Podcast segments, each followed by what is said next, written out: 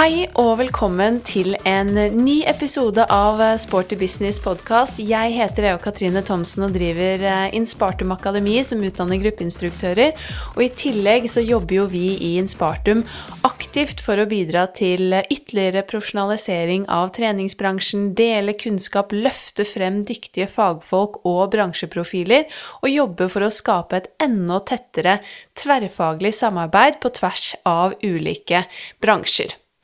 Denne uken, og jeg ønsker deg velkommen til en eh, ny pod, så er det jo virkelig fest for oss i eh, treningsbransjen. Og vi kan jo bare feire hver eneste dag nå, for endelig har eh, Norge åpnet. Svært etterlengtet.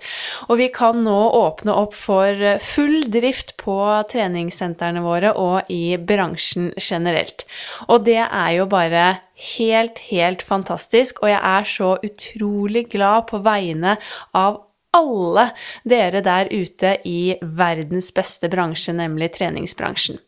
Det har jo vært en eh, utrolig tøff tid siden mars 2020, eh, men bransjen har jo også virkelig vist seg fra sin beste side, vil jeg si, på mange måter. Den har vært kreativ, løsningsorientert og klart å snu en eh, håpløs situasjon til muligheter. Men uansett, nå er det fantastisk godt å være i gang igjen og være back in business. Og i dag så feirer vi litt eh, her i poden også med å snakke om en del av treningsbransjen som virkelig har blitt påvirket av koronapandemien, nemlig gruppetrening. Det er jo også min eh, store favoritt, og jeg har gledet meg veldig til å dele denne episoden med deg. Jeg har pratet med Trude Størmer Vinje, fagansvarlig for trening ved 3T treningssenter i Trondheim, og vi har snakket om det beste, nemlig da gruppetrening, og hvordan man kan lykkes med gruppetreningsproduktet på treningssenteret og i kanskje også større kjeder. 3T Trening de er jo virkelig en uh, treningssenterkjede med stort fokus på gruppetrening, og som også virkelig har lykkes med dette produktet. Så nå gleder jeg meg til å dypdykke ned i dette temaet og kanskje få høre hemmeligheten bak. Riktig god lytt. Hjertelig velkommen til eh, Sporty business, eh, Trude. Det er så hyggelig å endelig få lov til å skravle med deg i denne podden. Og så må jeg sende av gårde allerede nå en liten ekstra takk til gutta i Videomakeriet i Trondheim, hvor du befinner deg nå, for vi har jo fått lov å låne deres studio, sånn at vi kunne spille inn denne podden sammen på hver vår kant av landet. Ja. Hei, Eva Katrine. Veldig hyggelig å eh, få invitasjonen. Eh, veldig lett å si ja til sånne invitasjoner. Jeg elsker jo å snakke om eh, tema i dag. Mm. Trening, gruppetrening. Så jeg har gleda meg helt siden du spurte. Veldig hyggelig å høre. Og som du nevner, vi skal jo snakke om selvfølgelig da treningsbransjen eh, i denne poden, og så skal vi dypdykke litt mer inn mot da gruppetrening, som vi begge to er eh, lidenskapelig opptatt av og veldig glad i. Og vi skal snakke mer om gruppetrening som betydning på selve treningssenteret, og hvordan lykkes som det. Vi har jo touchet en god del eh, innom eh, hvordan lykkes som instruktør i Sporty Business tidligere, men vi har ikke snakket så mye om hvordan hvordan man skal tenke som senter som helhet, og ikke minst ledere på et senter, for å få dette produktet til å virkelig lykkes. Men eh, først så kan vi jo eh, bli litt bedre kjent med deg, Trude. Hvem er du? Ja, eh, ja jeg heter Trude. Størmer Vinje. Jeg er en utflytta nordlending. Så jeg har bodd flesteparten av ungdomsårene mine oppe i Bodø. Eh, hvor jeg også da tok min eh, utdanning som ballettpedagog gjennom lærerhøgskolen der. Og så når jeg var ferdig utdanna, eh, så flytta jeg da til eh, Trondheim, og da jobba jeg 50-50 på et eh, ballettstudio i byen, og så jobba jeg da på 3T treningssenter som aerobic-instruktør ved siden av. Og da hadde jeg liksom med meg Eh, gruppetreningserfaringer fra Bodø, for vi starta opp med aerobic på det ballettstudioet som jeg trente på. Ja. Uh, ja. Dansa ballett uh, begynte som barn, seksåring, og når jeg var 15-16 år, så ble vi vi var tre jenter da som ble spurt om vi kunne tenke oss å, å eh, starte opp med gruppetrening. Og uredd og ung, så sier vi jo ja. Ikke sant? ja, så det, så da, Og det hadde vi jo lyst til å videreføre. Da. Så når jeg kom til Trondheim, så hadde jeg allerede hørt om, eh, om 3T treningssenter. Eh, og var veldig naturlig å søke seg dit. Så en liten audition der, og så var, var vi i gang, da. Ja, Og når var det du... vi, skjønner, for vi var, vi var, to stykker, som, vi var erteris, som dro fra Bodø sammen og jobba på 3T sammen i ganske mange år, da. Ja. Så, men, men, jeg eh, ble værende, og hun for videre. Jeg skjønner. Så når var det du mm. da begynte offisielt i 3T? Hvilket år var det? 1995. 1995, ja. Så du har vært der ja. ganske lenge? ja, jeg har vært der eh, ja, et helt liv. Mm. Fantastisk. Ja. Jeg også kommer jo fra ballett- og danseverden, egentlig, så vi har ganske sånn lik bakgrunn, og begge endte i uh, treningsbransjen. Men hvordan ser ja. hverdagen din uh, ut i dag, da? Hva underviser du i, eller hva jobber du med i 3T i dag? I dag så er jeg fagansvarlig for trening, så jeg har, uh, jeg har under min paraply så går egentlig alt av trening. vi er vi er mange senter i Trøndelag. 18 senter som skal koordineres, sånn at min rolle er å være sparringspartner ut til eh, alle disse sentrene, som da har eh, egne budsjett å forholde seg til. Og da er det jo å planlegge timeplaner, tilbud, eh, eh, følger litt opp på PT, sånn at jeg har uh, Innenfor uh, rollen trening så er jeg ganske som en potet, egentlig. jeg har ikke noe personalansvar, men jeg har tett dialog da med, med mellomlederne ute på senteret, og selvfølgelig også daglig leder. Og, og 3T Produkter, som er min arbeidsplass, som da er moderskipet, hvor vi sitter eh, ca. 22 stykker eh, og jobber sammen tett. Og da har vi eh, trening, eh, vi har økonomi, vi har markedsføring, vi har IT. Så vi har liksom samla alt, da. Ja, skjønner. Mm. Men underviser du noen gruppetimer per i dag? Akkurat nå så gjør jeg ikke det. Jeg har, eh, jobben min er, er, ganske aktiv. Så selv om jeg har en kontorjobb, så er jeg jo ute på sentrene eh, og deltar mye der. Og så har vi jobba en del med online trening. Mm. Sånn at um, treningsmengden har egentlig vært nok, i tillegg til at jeg prøver å, å ivareta min egen trening. Ikke sant. Så det siste jeg hadde på timeplanen, det var calisthenics, men som uh, under korona da selvfølgelig måtte um, legges på is, fordi at det er en treningsform hvor man må være litt tett på. Ja. Mm. Mm. Og jeg vet jo at du har jo vært innom det meste av gruppetrening opp gjennom årene, og jeg vet jo også at det er mange som savner dine unike sykkeltimer, vet jeg. For mm. du har jo vært eh, sykkelinstruktør eh, i veldig mange år også. Men hva vil du si er det beste med jobben din eh, sånn som den er i dag? Det er nok, og det har jeg kanskje kjent mye på det siste året, for det har jo vært en del endringer i hvordan vi har jobba um, pga. korona. Så det som jeg har kjent at jeg har savna, det er jo den kreative biten, og det å være med å skape noe nytt istedenfor å prøve å slukke branner. Um, det å um, Den der dynamikken som er i treningsbransjen fordi at den er ikke stillestående, den er under utvikling hele tida. Og det er jo det jeg liker aller, aller mest med den, det at ingen dag er lik. Mm. Altså klart, Vi har jo ting som er rutineprega, men det er stadig noe nytt å, å ta tak i. Og det er, det, det er vel det som gjør at jeg har vært i bransjen så lenge, at man ikke har gått tom. Så, så det, den, den, dynamikken og kreativiteten um, i veldig god kombinasjon med fantastiske kollegaer. Mm. Um, det å glede seg til å gå på jobb, det er noe som jeg føler er et privilegium. Virkelig. Du nevnte ja. det jo litt innledningsvis, det at du tidlig kom borti aerobic på dansestudio. Men når var det du virkelig begynte med gruppetrening, og hva syns du er det mest unike og magiske med gruppetrening? Eh, altså, jeg vil si at jeg var eh, Når, start, når jeg starta som 16-åring, da var jeg all in fra, fra, starten så ble det en oppgave som jeg tok eh, veldig eh, alvorlig og på ordentlig, og hadde veldig respekt for deltakerne som, som, kom. Jeg brukte veldig mye tid på å forberede meg. Var veldig opptatt av at musikken skulle være riktig, selv om vi holdt på å spole til kassetter, eh, for det gjorde vi i 19 pil og bue, så, eh, så var alle kassettene ferdig spolt. Det skulle, altså alt var veldig sånn tima. Mm. Og sånn at eh, eh, Og vi dro jo også til eh, Trondheim faktisk for å gå på time og bli litt inspirert. Plukke med oss nye ting som vi tok tilbake til Bodø. Og vi starta også med Step eh, i Bodø, og da hadde vi hjemmesnekra kasser som vi gikk opp og ned på. Altså det var, lidenskapen var veldig stor fra start. Det var den. Eh, men det var jo i 1995, da når jeg kom til Trete treningssenter, at ting ble satt mer i system, og at eh, jeg skjønte at eh, her er det mer enn bare meg. Det var litt mer rammer å forholde seg til.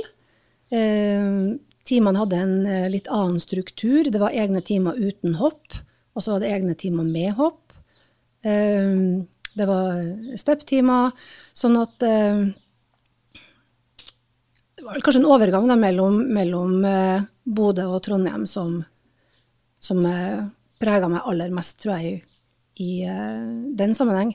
Og det som jeg virkelig liker best med gruppetrening, ja Vanskelig å plukke én ting. Jeg liker alt. fordi at jeg liker det å planlegge. Jeg liker det å bruke god tid på musikk. Jeg syns det er veldig gøy å mikse egen musikk. Kan bli helt euforisk av eh, gode overganger som bare jeg hører, kanskje. Men eh, Virkelig, jeg kan kan eh, kjenne meg veldig igjen. Jeg, kaller, jeg sier ofte om meg selv at jeg er sånn musikknerd, men det er sånn Jeg koser meg når jeg sitter og mikser musikk, og som du sier, når Ja. du endelig nailer den overgangen, så det er litt magi i det. Det er mye magi i det. Det er gåsehud på innsida, og det, og det tenker jeg er med å prege eh, deg som, som instruktør når du skal presentere innholdet ditt. da. Så eh, opplevelsen der og da i timen er jo samspillet mellom deltakerne og deg selv, eh, og den energien som, som skapes med at man er i et fellesskap. Eh, eh, alle gjør det samme samtidig. Det er veldig mye kraft i det at musikken bygger seg opp. Du hører at nå kommer det noen ting, og så er alle eh, uniont med på at nå smeller det, og så smeller det, og så Ja, nei, det er det er Euforisk er et ganske bra ord å, å bruke, da. Jeg må si det. Ja, virkelig. Og det å jobbe og det å være i bevegelse til musikk, det er jo noe som jeg alltid har likt helt fra jeg var lita, da. Um, og det er også det, Altså det å gå ut på byen og, og danse en hel kveld til bra musikk, det kan også skape litt av den samme feelingen noen ganger eh, som det å ha, ha timer, da. Ja. Så, men eh, nei, det, det er mange ting som gjør at gruppetrening er, er fantastisk. Ja, jeg syns Mm. euforisk var en veldig god, eh, god beskrivelse. Men det er jo Mm. sånn at eh, når du da startet opp som instruktør på det glade 90-tallet, så var jo gruppetrening virkelig i vinden, og det var superpopulært, og det ble jo bare mer og mer populært. Og så har det jo vært sånn nå de, i hvert fall noen år hvor eh, PT eh, Det har blitt veldig mye Altså PT har kommet mye mer inn i vinden, det har blitt mer eh, naturlig, og kanskje flere har trent med PT. I tillegg så har jo styrketrening blomstret, og veldig mange har begynt å trene på egen hånd i studio, som ikke tidligere, eller som tidligere kanskje bare var på gruppetrening. Så man har jo sett en litt sånn dalende popularitet knyttet til gruppetrening, men så syns jeg det er veldig hyggelig å se at eh, de siste årene så er det jo en stigende trend igjen. Det har man jo også sett på disse undersøkelsene når det gjelder treningstrender fra American College of Sports Medicine, at gruppetrening stadig liksom har klatret eh, oppover og ligget på topp tre. Og det er jo veldig gladelig for oss gruppetreningsentusiaster. Men hvor viktig tenker du at eh, gruppetrening er for selve treningssenteret, og hvor viktig er det å satse på det som eh, produkt?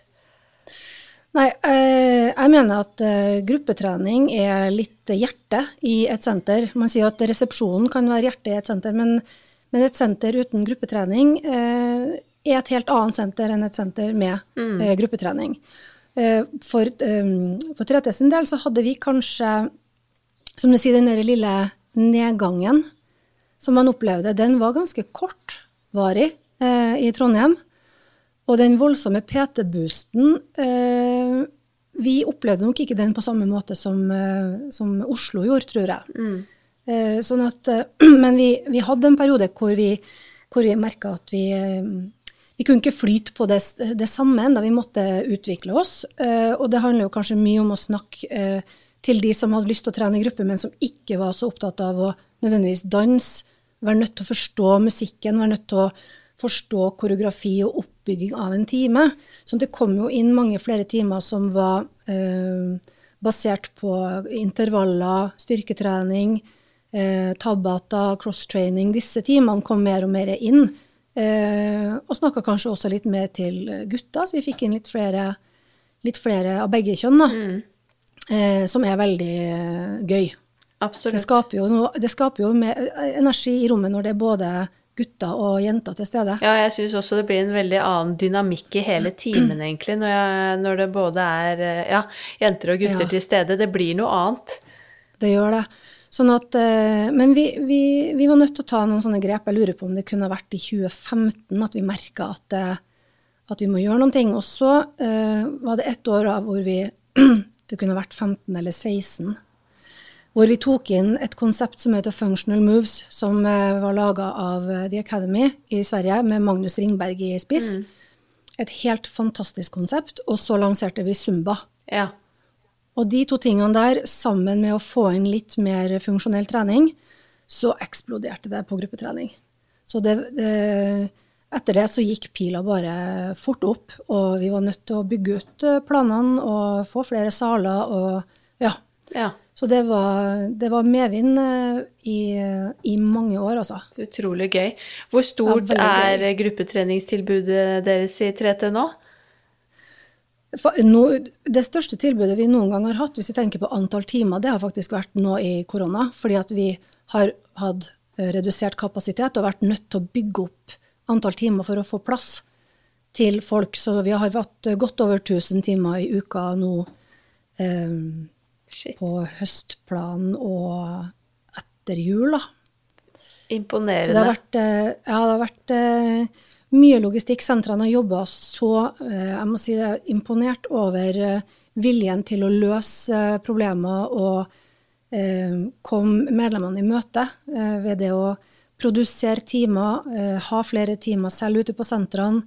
Instruktørene våre har tatt på seg vikartimer. Det har jo vært litt karantene og litt ja, mye sånn uforutsette ting. Det har vært vanskelig å planlegge. Mm.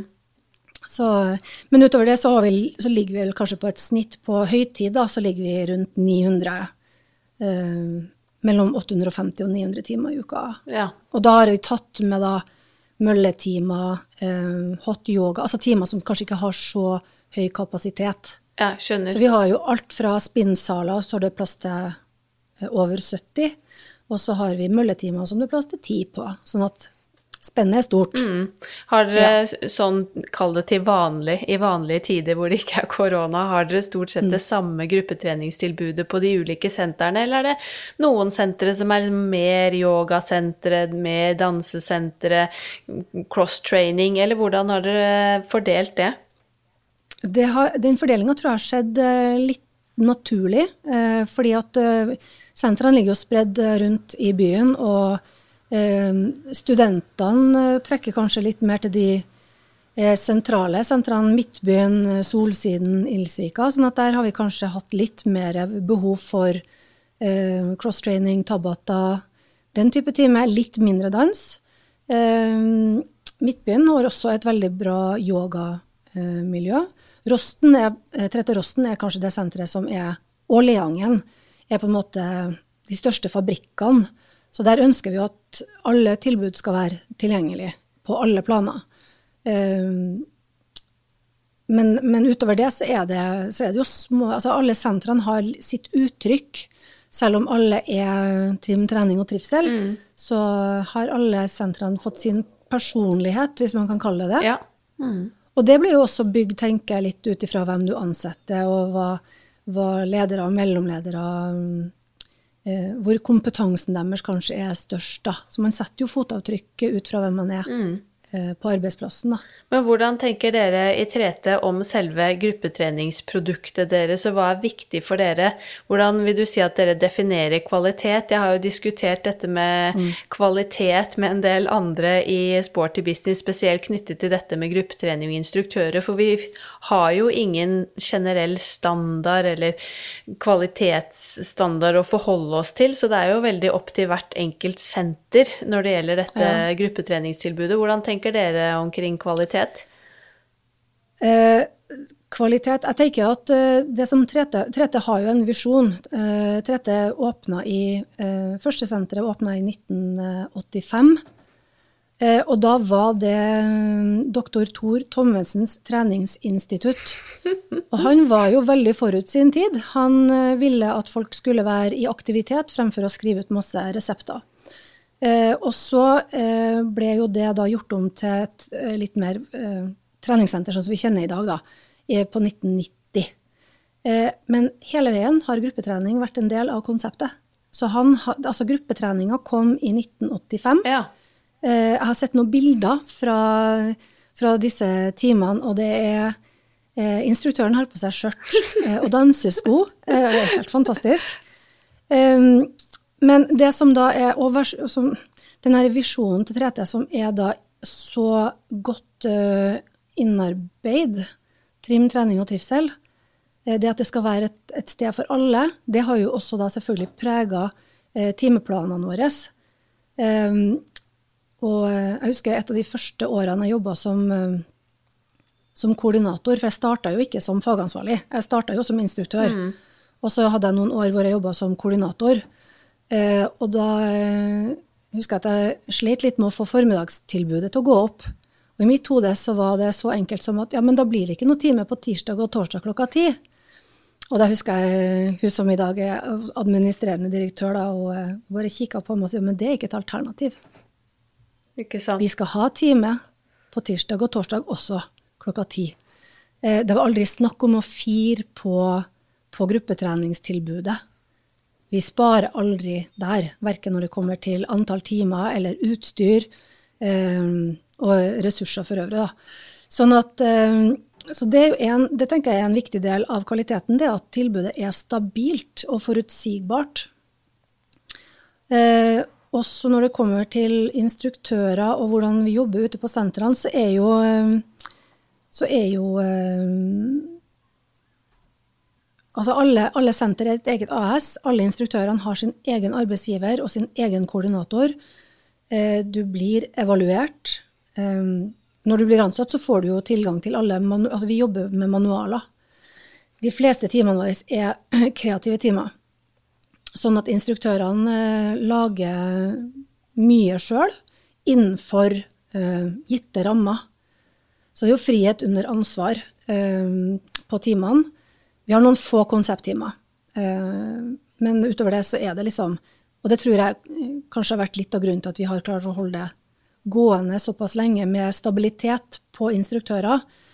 Det er jo det at man får bruke seg selv. Mm. Man får bruke hodet sitt. Uh, fortsette å vokse uh, som instruktør.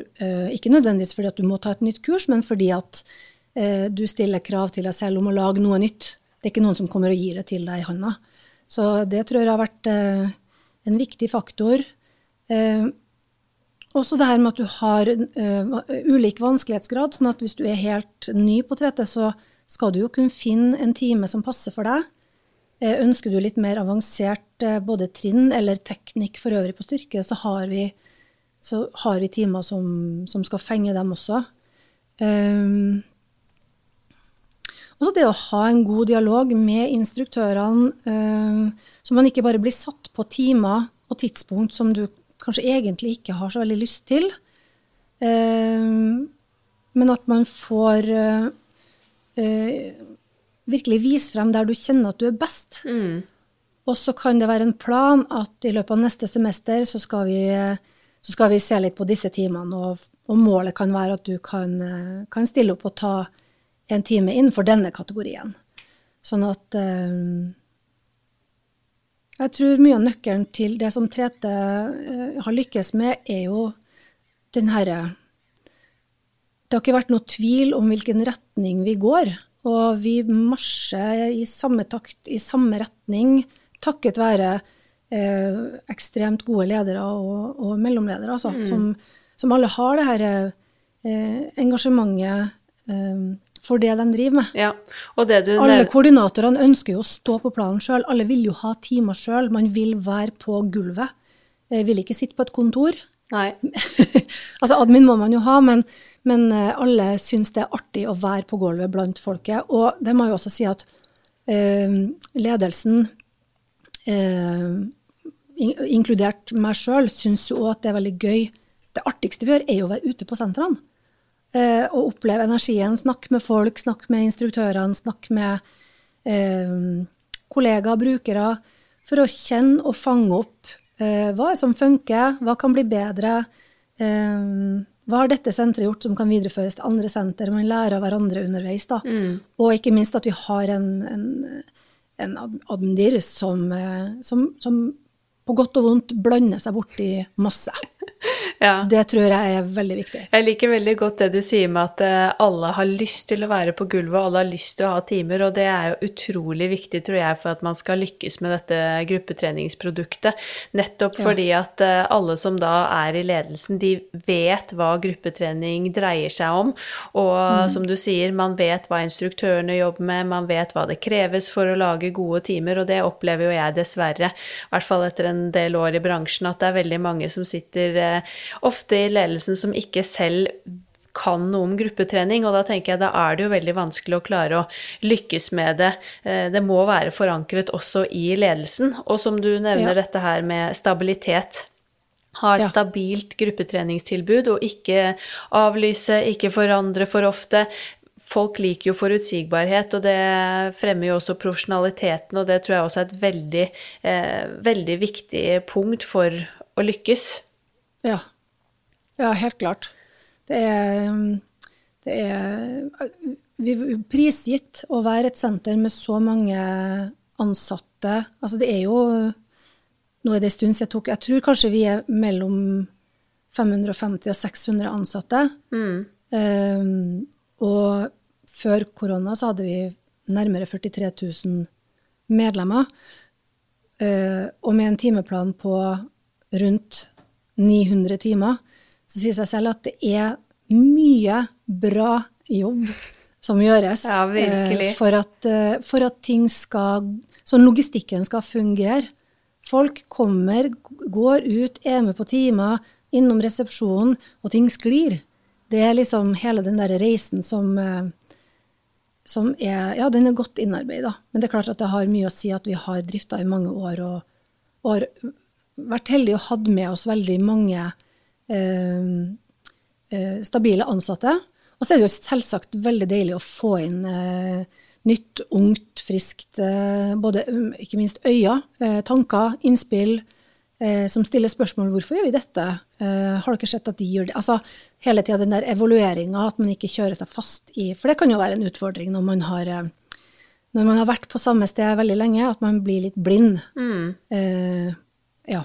Og så er det jo flott at dere også da er så åpne for nettopp de tilbakemeldingene og åpne for utvikling og det å tenke nytt. Men du var jo så vidt inne på det i sted, dette med at det er viktig for dere at instruktørene får lov til å skape, være kreative og bruke eget hode. Men dere har jo også noen prekoreograferte konsepter. Nå har ikke jeg helt oversikt over gruppetreningstilbudet i 3T, ehm, men jeg vet jo at dere lager noen egne prekoreograferte konsepter. Jeg vet ikke hvor mange ja. dere har som dere kjøper inn per nå, men hvordan stiller dere dere generelt til eh, dette med prekoreograferte timer versus egenproduserte timer? Fordeler, ulemper? Mm. Vi har øh, tidlig Nei, det må ha vært før Rebekka Det kanskje var i 1998 eller 1999, så var vi innom Les Mills. Um, og hadde det konseptet en periode. Og det som vi erfarte da, var jo at de timene de trakk mindre folk enn eh, våre egne eh, timer. Ja.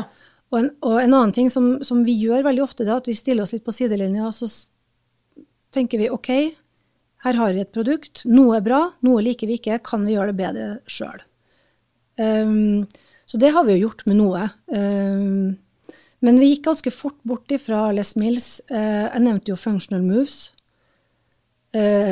Helt fantastisk eh, program. Og det som var fint med det, var at det, selv om det var eh, Du fikk en manual, men det var frihet der også. For det var jo ikke sånn at du måtte pugge musikken og telle repetisjoner. Eh, du kunne flyte litt grann gjennom det, og du kunne utvikle timen eh, i løpet av den perioden hvor vi hadde det programmet. da. Eh, kanskje litt sånn som Zuma Move. Mm, litt frihet Litt samme- eh, innenfor konseptet. Eh, dessverre så ble jo det konseptet eh, Functional Moves, da, det ble dessverre lagt ned. Ja. Så vi har jobba hardt for å klare å videreføre noe lignende.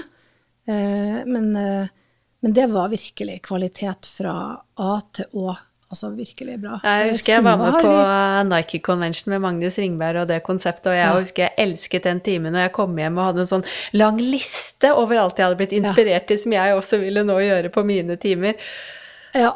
Og den der, det, eh, det, som jeg syns, det som kom, var veldig riktig på den tida, at det var, kom den bevisstgjøringa om det å jobbe ikke bare fremover og bakover og til siden, å legge inn rotasjon, legge inn eh, ja, balanse og andre typer utfordringer, og allikevel klare å holde det på et nivå som gjorde at veldig mange kunne være med. Da.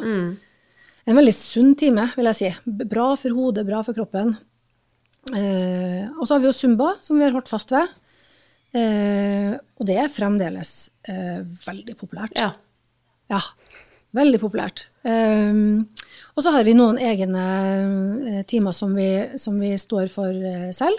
Vi har en ansatt som, som er kjempedyktig på å lage, lage program, og det er, da er det koreografi til musikk ned til hvert minste trinn omtrent. ja. Så vi har, vi har tre ulike sånne timer, og så har vi pulskonseptet, eh, trønder, eh, trønderintervallene fire ganger fire, som vi har, eh, kjører både som stepptimer og som spinntimer. Veldig populært. Men der igjen har du frihet på vel trinn, eh, sånn at instruktøren får allikevel krydre timen sjøl. Ja, det, Det skal være enkle trinn og høy intensitet. Ja, det tror jeg er veldig viktig at man har den friheten selv om det er eh, prekoreografert, sånn at det ikke blir for låst. Og i Les Mills så får man jo ofte manus for hva man skal si til enhver tid også i eh, timen, så i hvert fall for meg så er det sånn som dreper kreativiteten. Så jeg tror det er veldig viktig at man har ja, litt frihet innenfor disse rammene, og så er det både fordeler og ulemper med begge deler, men jeg tror en kombinasjon er jo veldig viktig. Og så syns jeg det er interessant det du sier med at dere har sett at på, spesielt sånn som Les Mills, da, at det faktisk var mindre besøkt eh, enn andre timer. For det er jo noen sentre som velger å gå for kun eh, prekoreograferte timer og kjøper inn konsepter, og Ja. unngår å ha disse egenproduserte timene. Og det, i hvert fall min personlige mening er vel at det kanskje ikke er det mest hensiktsmessige. Jeg tenker at Hvis at man velger å gå den veien som, uh, som ledere, så kan det jo være En årsak kan jo være at man ikke har tilstrekkelig kunnskap selv på å utdanne instruktører, eller vet hvilken instans man skal bruke. Sånn at da kjøper man den tjenesten eh, via disse prekoreograferte programmene. Men det som vi skal huske på da, det er at man får jo fort litt sånn eh, Det kan bli litt robotpreg på det. Eh, fordi at man blir så opptatt av hva man skal si, eh, istedenfor hvordan man formidler. Eh, men når det er sagt, vi har noen instruktører som er helt fantastiske, som har jobba masse med Les Mills eller andre ferdigtyper. ferdige typer. Sånn at det er, ingen, det er ikke noe enten-eller, men det vi har erfart i Trondheim og på Trete, er jo at uh, eh, vi lykkes bedre med våre egne timer. Medlemmene setter større pris på dem, og instruktørene syns at det er veldig motiverende å få jobbe med sjøl. Ja. Ja. Du har jo nevnt at dere har jo et enormt antall timer i løpet av uka på timeplanen, så du skal ikke gå i detalj der. Men litt sånn overordnet, hvordan tenker dere i Trete når dere planlegger timeplaner, eller den kommende sesongen sånn som nå med høsttimeplan? Hvordan tenker dere, hvordan legger dere opp timeplanen, og eventuelt implementering av nye konsepter? Vi kikker alltid på hva gjorde vi i fjor. Hva var besøk, hva var snitt og belegg? Ehm, og så ser vi også på den planen som vi har hatt nærmest. Den planen som vi på en måte er på vei ut av. Hvordan, hvordan var La oss si at du skal planlegge høst, så ser vi jo på Både sist høst, men også på våren som har vært. Mm. Sommeren er jo unntak. Da er det jo ganske, eh, ganske lavt besøk. Men sånn at vi prøver å gjøre en liten eh, mashup av de to planene. Og så er det jo å gå inn og se OK, har, vi, eh, har senteret et tilbud for seniorer? Har senteret et tilbud for eh, nybegynnere? Har senteret et tilbud for de som er glad i å spinne? Eh, hvis du er glad i å gå på pulsstep, kan du gå både rett etter jobb, men kan du også få gå på kveld? Eh, sånn at man prøver jo å tenke de ulike livssituasjonene som medlemmene våre er i. Og det er klart at det, når det er masse medlemmer, så har du litt av alt. Sånn at eh, man, man må ha et tilstrekkelig tilbud eh, både formiddag, eh, etter arbeidstid og, og, utover kvelden. Og at eh, det som kanskje før var den seneste timen klokka sju, nå er kanskje den seneste timen starter rett etter klokka ni på kvelden. Sånn at man må jo utnytte, utnytte dagen. Men det er klart at det, det, å, det, å, bruke det du vet, er en god hjelp. For uh, det er ingen som kan spå fremtida. Vi vet jo ikke uh, hvordan ting blir. Men basert på noe så kan man jo anta noe. Mm. Sånn at uh, jeg vil si de vanskeligste planene våre å lage, det er jo sommer. Ja. For det er så væravhengig. Rett og slett. Så en, en kald trøndersommer betyr oi, da må vi ha på mer timer. Så, og det er veldig deilig nå når vi jobber mer med disse digitale timeplanene, for tidligere så drev jo vi og produserte timeplan på ark. På sånne fine små sammenbretta foldere. Ja, ja. Og da var jo timen eh, støpt i stein. Så det å gjøre endringer da, det var, det var mye mer eh, Det lå mye lenger inn, da. Mm. Eh, å skulle endre en time, endre klokkeslett. Nå kan vi tillate oss å gjøre justeringer for å knate planen, og den blir helt perfekt. da. Ja. Så, ja, det husker jeg også. Man printet ut uh, sommertimeplaner og liksom la i resepsjonen, mm. og folk var innom og hentet og tok det med seg. Da kunne du ikke plutselig bare gjøre om på ting. Nei, det kan du ikke. Men vi har en sånn, vi har en sånn sikkerhet på at øh, øh, hvis at vi gjør noen endringer, eller hvis det skulle skje noe uforutsigbart da, for Vår policy er at vi avlyser aldri en time.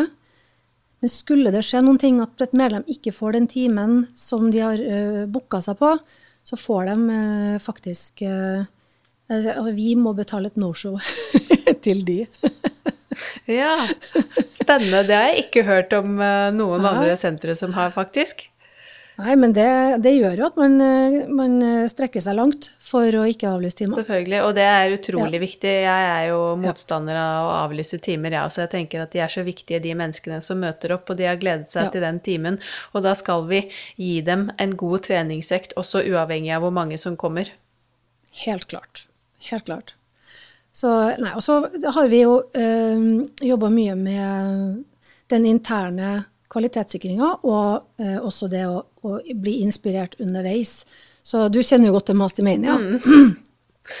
Så vi har, eh, årlig så har vi denne eh, convention som er for våre ansatte og medlemmer. Og så har vi også eh, Trete Inspira, som er da en intern eh, faghelg. Ja. Sånn at, eh, og Mastermania det var allerede etablert når jeg starta på Trete i 1995. Ja. ja så det er jo det er en greie som også er er eh, ja, veletablert. Eh, det ligger en forventning om at Mastermania skal vi jo ha. Absolutt. Så eh, det var veldig rart å ikke ha det nå siste år. Altså. Ja, ja, det skjønner jeg. Det var det. Så vi, vi jobber litt nå med Spunn og kanskje se en mulighet for at vi kanskje kan kjøre en, en kanskje en norsk versjon av, av Mastermania. Vi bruker jo å invitere jeg satt og kikka faktisk eh, når jeg skulle Jeg forberedte meg litt til vi skulle gå, da. Ja. Så tenkte jeg nå må jeg gå tilbake og så må jeg se litt. For jeg snakka mye om det med at kreativ, eh, den kreative biten er viktig. Så når vi har Mastermania, så har vi jo bevisst valgt eh, instruktører som fyller på med akkurat det.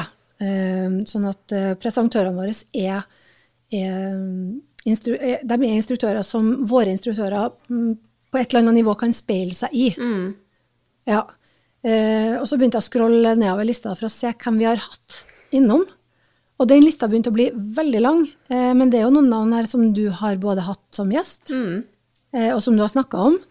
Eh, Sasha, hørte jeg du hadde et veldig ønske om å få prate med. ja, det hadde vært veldig gøy. Ja.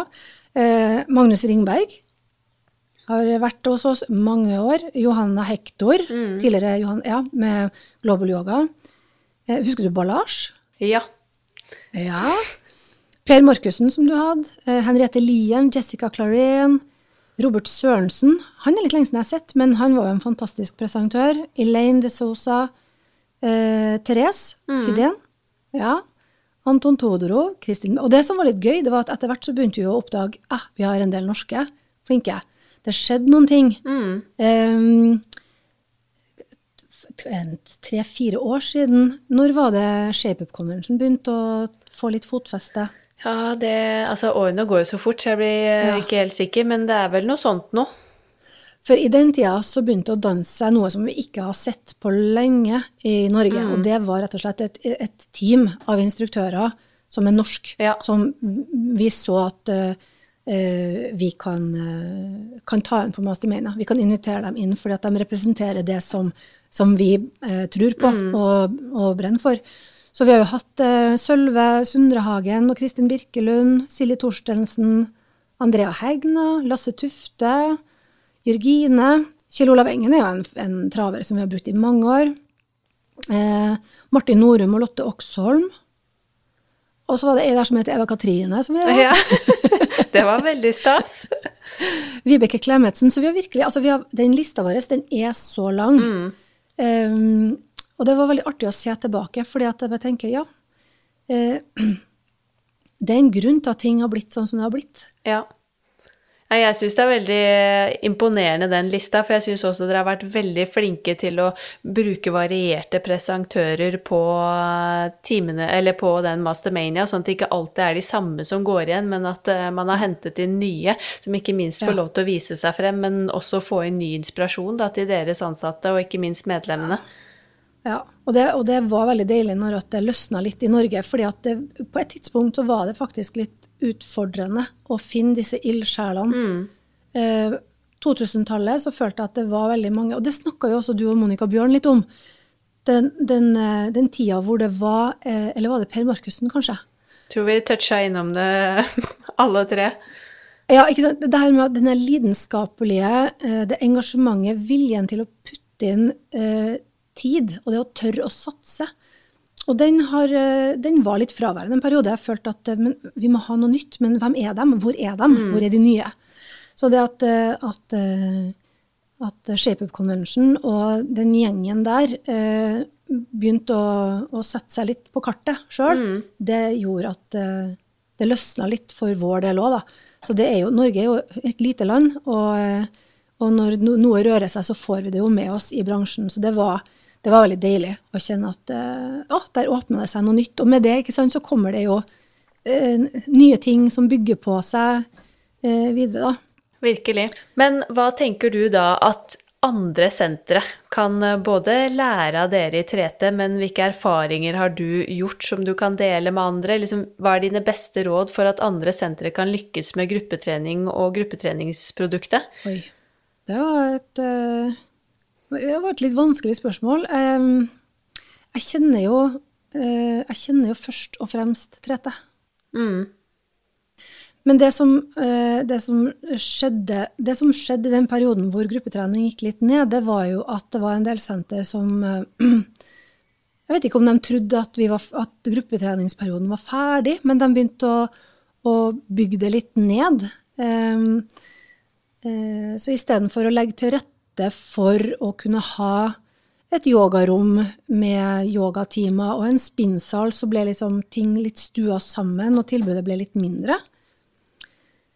Eh, og det tror jeg var en stor feil som noen eh, senter gjorde, da. Mm. Eh, en annen ting som, eh, som jeg vet eh, du òg har tenkt litt på, det er jo eh, det her med fullsortimentssenter. Eh, det at du har senter som, som yrer litt av eh, liv og røre, at det er ansatte på jobb. At eh, når du kommer i resepsjonen, og det er noen der du kan spørre Du, jeg har litt lyst til å være med på denne timen. Hva er det? Må jeg, må skal man ha på meg noe spesielt, eller hvordan sko skal jeg ha? Altså det der med at du på en måte kan få rydda unna noen av de um, fartsdumpene som er på vei inn. For det skal jo ikke legges under en stol at det er for mange. så er det en uh, Det å komme seg inn på senteret første gang kan være en, en utfordring. Sånn at, eh, at, det at du, at du møter et blidt fjes som på en måte viser deg litt vei, hvordan du skal gå. Det kan være Så enkle ting som garderobeskap. At man liksom får svar på de tingene man, man trenger å vite før man kan gå inn på gruppetimen og kose seg. Så det handler jo ikke bare om selve timen, men det handler om hele eh, Alt sammen rundt det. Hele den der medlemsreisen fra du sitter hjemme og bestemmer deg for at du skal dra, til at du drar, har kommet hjem fra timen, og hvilke opplevelser du sitter igjen med. Så mm. det å Og det er en kjempevanskelig oppgave, det å jobbe med de tingene der. Den medlemsreisen er jo en, en det er et, eget fag, føler jeg. Eh, men, eh, men, at man kan Alle kan nok bli enda flinkere på de tingene der. Det å gjøre, gjøre det trygt og ufarlig å komme på, på trening. Um, vi sliter jo med å nå ut, vi òg. Til mange. Ja, det er jo den store utfordringen i bransjen, men jeg tror du sier noe veldig riktig der, og ikke minst det du allerede har vært inne på tidligere, dette med stabilitet. Det å ha et stabilt tilbud, det å aldri avlyse en time, mm. vise at uh, senteret uh, virkelig anerkjenner gruppetrening og ser på det som en viktig del av produktet, er jo helt uh, avgjørende. Ja. Men for oss utenforstående, da, og i hvert fall min opplevelse av 3T, så er det jo nettopp det at dere har jo vært genuine på gruppetrening i alle år og virkelig lykkes. Jeg har eh, opplevelsen at det er veldig engasjement både blant instruktører og deltakere, og instruktørene virker for meg veldig flinke til å stille opp som vikarer og er sultne på kurs og videre utvikling. Eh, hvordan har dere klart å skape litt denne, dette miljøet, tror du, og hvilke krav er det dere stiller til deres instruktører? Jeg tror at mye handler om denne forventningsavklaringa idet du blir ansatt. At det er en veldig tydelig prat i forkant. Eh, eh, både når det gjelder hva, hva forventer du som ansatt, og hva forventer vi av deg som ansatt. Eh, vi er helt avhengige av å kunne ha en stab hvor du har nok folk som kan komme på kort varsel, som syns det er OK å jobbe helg. Eh, vi er jo åpne eh, alle dager i året, vi også. Det er jo kun 17. mai, tror jeg, hvor vi ikke tilbyr mm. gruppetrening. Sånn at eh, det å, å ansette rette personene og gjøre gode intervjuer og uh, alltid sjekke referanser, uh, det tror jeg er kjempeviktig, sånn helt i starten. Og så uh, Trette, vi har, jo, vi har jo ingen utdanning, vi bruker Inspartum. Um, men vi har noe som vi kaller for 3T-akademiet, som er eh, sånne krasjkurs. De går over en helg, eh, hvor eh, medlemmer, og i og for seg ansatte som har lyst til å videreutvikle seg, kan, kan bli med. Medlemmene betaler en, en, symbolsk sum for å være med. og Det er jo grunnen til at disse kursene er jo ikke nødvendigvis for at andre skal få utvikle seg, men for at vi sonderer terrenget på potensielle nye instruktører.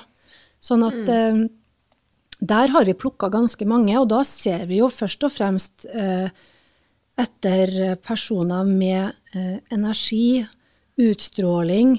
Eh, ting trenger ikke å være helt perfekt i forhold til musikkforståelse og de tingene der, for man kan sette dem på timer hvor de ikke trenger å tolke musikken. Men det at de har den herre eh, energien og tilstedeværelsen og evne å se folk i øynene eh, og, og, og klare å, å, komme med noe feedback som gjør at medlemmene føler seg sett. Så kan man starte der, og så kan man ha en utviklingsplan.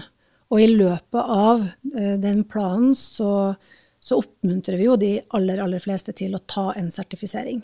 Eh, for det skaper så mye trygghet for dem. Eh, det å få mer kjøtt på knoken. Men i utgangspunktet så altså, Jeg tenker at det meste kan læres, men utstråling og personlighet, det må være litt på plass. Ja. Så, så det er jo klart at det, det ser vi etter. også det at vi har Igjen tilbake til de koordinatorene som, som også representerer det vi eh, er ute etter. Sånn at de som forbilder blir jo veldig tydelig og synlig for sine ansatte. At man setter standarden et sted. På hva man Virkelig. Ja. Mm. Mm. Men hvordan tror du gruppetreningen kommer til å se ut i tiden fremover, da? Har du noen tanker om uh, trendene, eller hvordan kanskje gruppetreningstilbudet vil se ut om uh, en fem år, ti år? Jeg tror at uh, altså, trening til musikk, det tror jeg aldri dør ut, da. Det, folk har dansa rundt bålet siden forever, så, så det, det, tror jeg kommer til å vedvare. Um, Så blir det jo spennende å se hva som kommer av konseptet. Jeg føler jo at veldig mye er melka. Eh, man har prøvd, vi har vært innom mye gøy vi òg. Eh, noe har vart kortere, og noe har vart eh, lenger. Eh, jeg husker eh, et av mine første år i 3T, da hadde vi noe som heter slide. Og da rulla vi ut ei sånn lita matte som vi gikk på skøyter på. Omtrent vi hadde sånne sklisokker som vi drev og, og sklei på frem og tilbake. Um, Sånn at ting vil jo komme, og, og, det som vi vet er jo at denne bransjen her er jo pengestyrt. Det sitter jo folk rundt omkring og tenker ut hva må sentrene ha for at de skal kunne fortsette å være eh, attraktive. Jeg tror det viktigste er at du fortsetter å ha folk på jobb, og at du fortsetter å tilby, eh, istedenfor å eh, skalere ned. Og det er jo det som kanskje er det, det tristeste nå etter korona, er at det er så mange um, i bransjen som, som, er sårbare nå, og som kanskje ikke har eh, ressursene for å kunne tilby det de en gang gjorde. Sånn at man blir tvunget til å, å skalere ned tilbudet. Og um, det er klart at når tilbudet går ned, så det, det, da ligger det en forventning til medlemmet som vil si men hvor er det som jeg brukte å gå på? Det er jo det jeg betaler for. At det vil jo fort bli en sånn nedgående spiral. Men eh, men eh, vi skal fortsette å jobbe med, med folk, for folk, for folkehelsa. Uh, ufarliggjør uh, det å gå på trening og det å gå på gruppetimer. Uh, det er kjempeviktig. Veldig viktig er det. Ja, jeg liker det jeg hører. Mm. Men hva er dine ønsker for bransjen som helhet i, fremover, da? Har du noen tanker? Mm. Ja, sa jeg med den største selvfølgelig. jo da, men jeg tenker mye, og jeg har tenkt veldig mye um, Jeg tenker mye rundt det her med at um, bransjen er så synlig. Uh, det er mange senter. Du har liksom tilgang Folk i Norge har tilgang på trening på hvert et hjørne, uh, omtrent. Hvis jeg skal overdrive litt.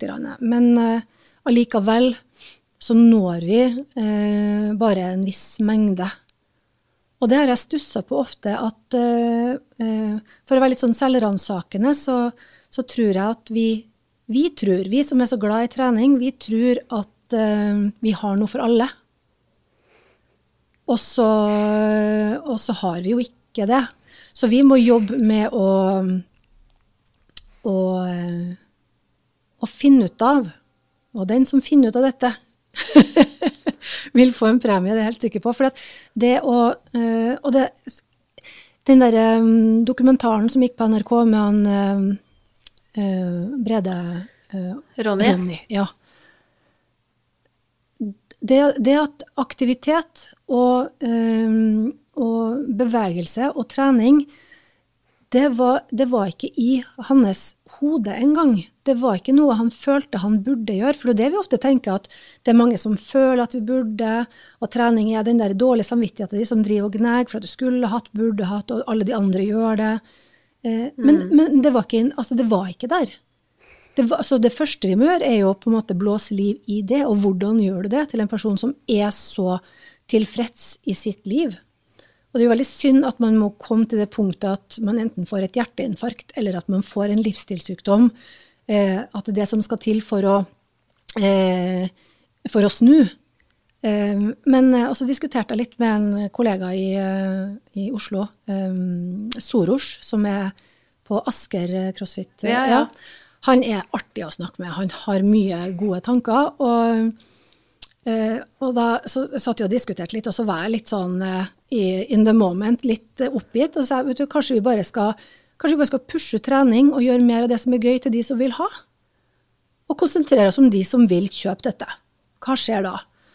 Og da sa han at nei, men altså, vi kan ikke tenke sånn. Husk på det at det tok 60 år fra man begynte å snakke om at røyking var farlig, til at det ble innført røykestopp ute på At det kom noen regler. Så eh, det er nok en lang vei å gå. Eh, men mm. mennesket Vi blir jo Hvis at vi fortsetter i den gata nå, så vil vi jo eh, Vi blir jo stillesittende og, og kommer til å bli prega av det. Sånn at eh, på et eller annet nivå, på en eller annen måte, så må trening inn. Og jeg tenker Skolene har en jobb å gjøre med det å få fysisk aktivitet inn i undervisning. Eh, jeg har en som går førsteåret på videregående, og de har nå i dette året her ikke hatt um, det vi kaller for gym. De har hatt litt, Han går musikklinje, de har hatt litt uh, dans. Uh, men utover det så har de ikke hatt uh, fysisk aktivitet. Det syns jeg er skummelt. Um, og det at, eh, at all aktivitet skal være så vanskelig å få tak på når du er i skolen, det tenker jeg at man må se litt på. Det er ikke bare de som er glad i fotball som skal få gjøre det i friminuttene, man må faktisk legge til rette. Og det at du blir tildelt en iPad i veldig ung alder, det, det setter noen føringer for uh, hvor stimuliet ditt kommer. Så når all stimuli kommer gjennom øye og øre, uh, så uh, så blir det vanskelig å selge 'skal vi gå ut og leke med pinner'? og lage kongledyr. Ja, nei, så det, vi, har, vi, vi har store konkurrenter i, um, i, samfunnet, og så må vi i bransjen bare jeg tror vi må bare fortsette å gjøre det vi brenner for, og det vi har trua på. Og så får vi håpe at eh, flere kan være med og snakke vårt språk. Eh, igjen, koronatid, hvor vanskelig det har vært å få lov til å drifte. Eh, og det med at folkehelsa ikke har blitt prioritert eh, i ren frykt. Eh, det sier jo litt om hvor kort vi egentlig har kommet på, på akkurat denne Ja.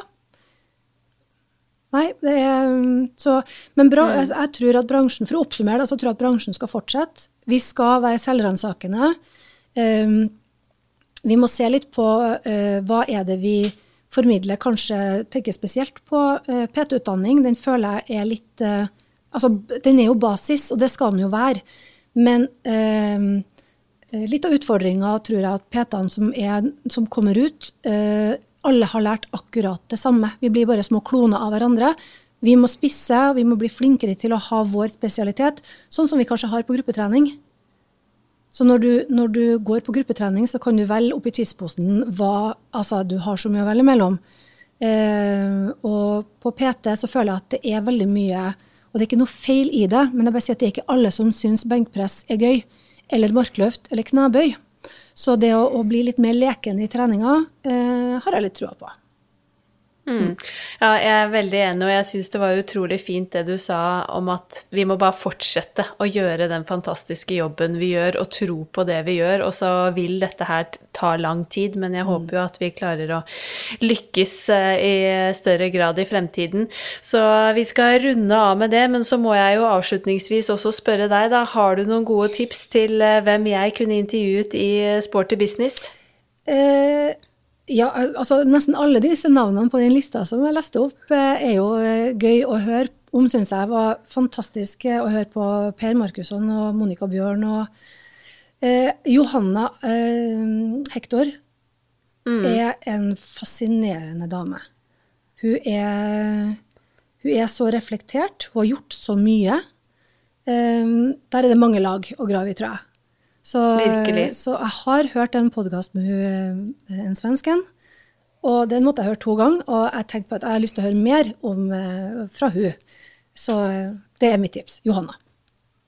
Veldig godt tips. Mm. Det har jeg også fått uh, tidligere, så jeg må prøve å huke inn uh, Johanna, for hun er som du sier en fascinerende og ikke minst dyktig og kreativ og fargerik uh, dame i bransjen i Sverige. Ja. Jeg har storkost meg med gruppetreningsprat med deg, Trude. Virkelig. Jeg kunne jo ønske at Trondheim og Trete var enda litt nærmere mm. meg her i Oslo, men jeg håper også at, og tror at lytterne våre har fått masse god inspirasjon og litt gode tips og råd for hvordan man virkelig kan få gruppetreningstilbudet til å blomstre på senteret. For uh, som du sier, gruppetrening er jo virkelig hjertet ja. på treningssenteret. Så tusen hjertelig takk for at uh, du ville være med i Sporty business og ha delt av 3Ts eh, reise og tanker, og ikke minst dine egne tanker rundt gruppetrening. Tusen takk for at jeg fikk være med. Jeg har også kost meg veldig. Tusen takk for at du hang med nok en gang. Håper du ble inspirert til å satse på gruppetrening kanskje enda litt mer på ditt senter, eller også som instruktør selv. Gruppetrening er jo virkelig en unik treningsform, og også selve limet ofte, og det som eh, holder ting sammen på et treningssenter og også gir veldig lojale medlemmer. Jeg håper du nå får en super uke videre, kanskje med masse gruppetrening eller annen trening, og at du virkelig koser deg på senteret eller der du jobber med fullt trøkk. Vi poddes igjen om eh, to uker. Følg oss gjerne på Instagram at Sporty Business Podcast. Bli med i Facebook-gruppen vår Sporty Business. Og så blir jeg selvfølgelig også superglad om du vil abonnere på podden i iTunes og kanskje legge igjen en eh, Tusen hjertelig takk for at du hang med. Vi eh, poddes igjen om to uker. Ha det bra. Denne podkasten produseres av Inspartum Akademi og North Stories.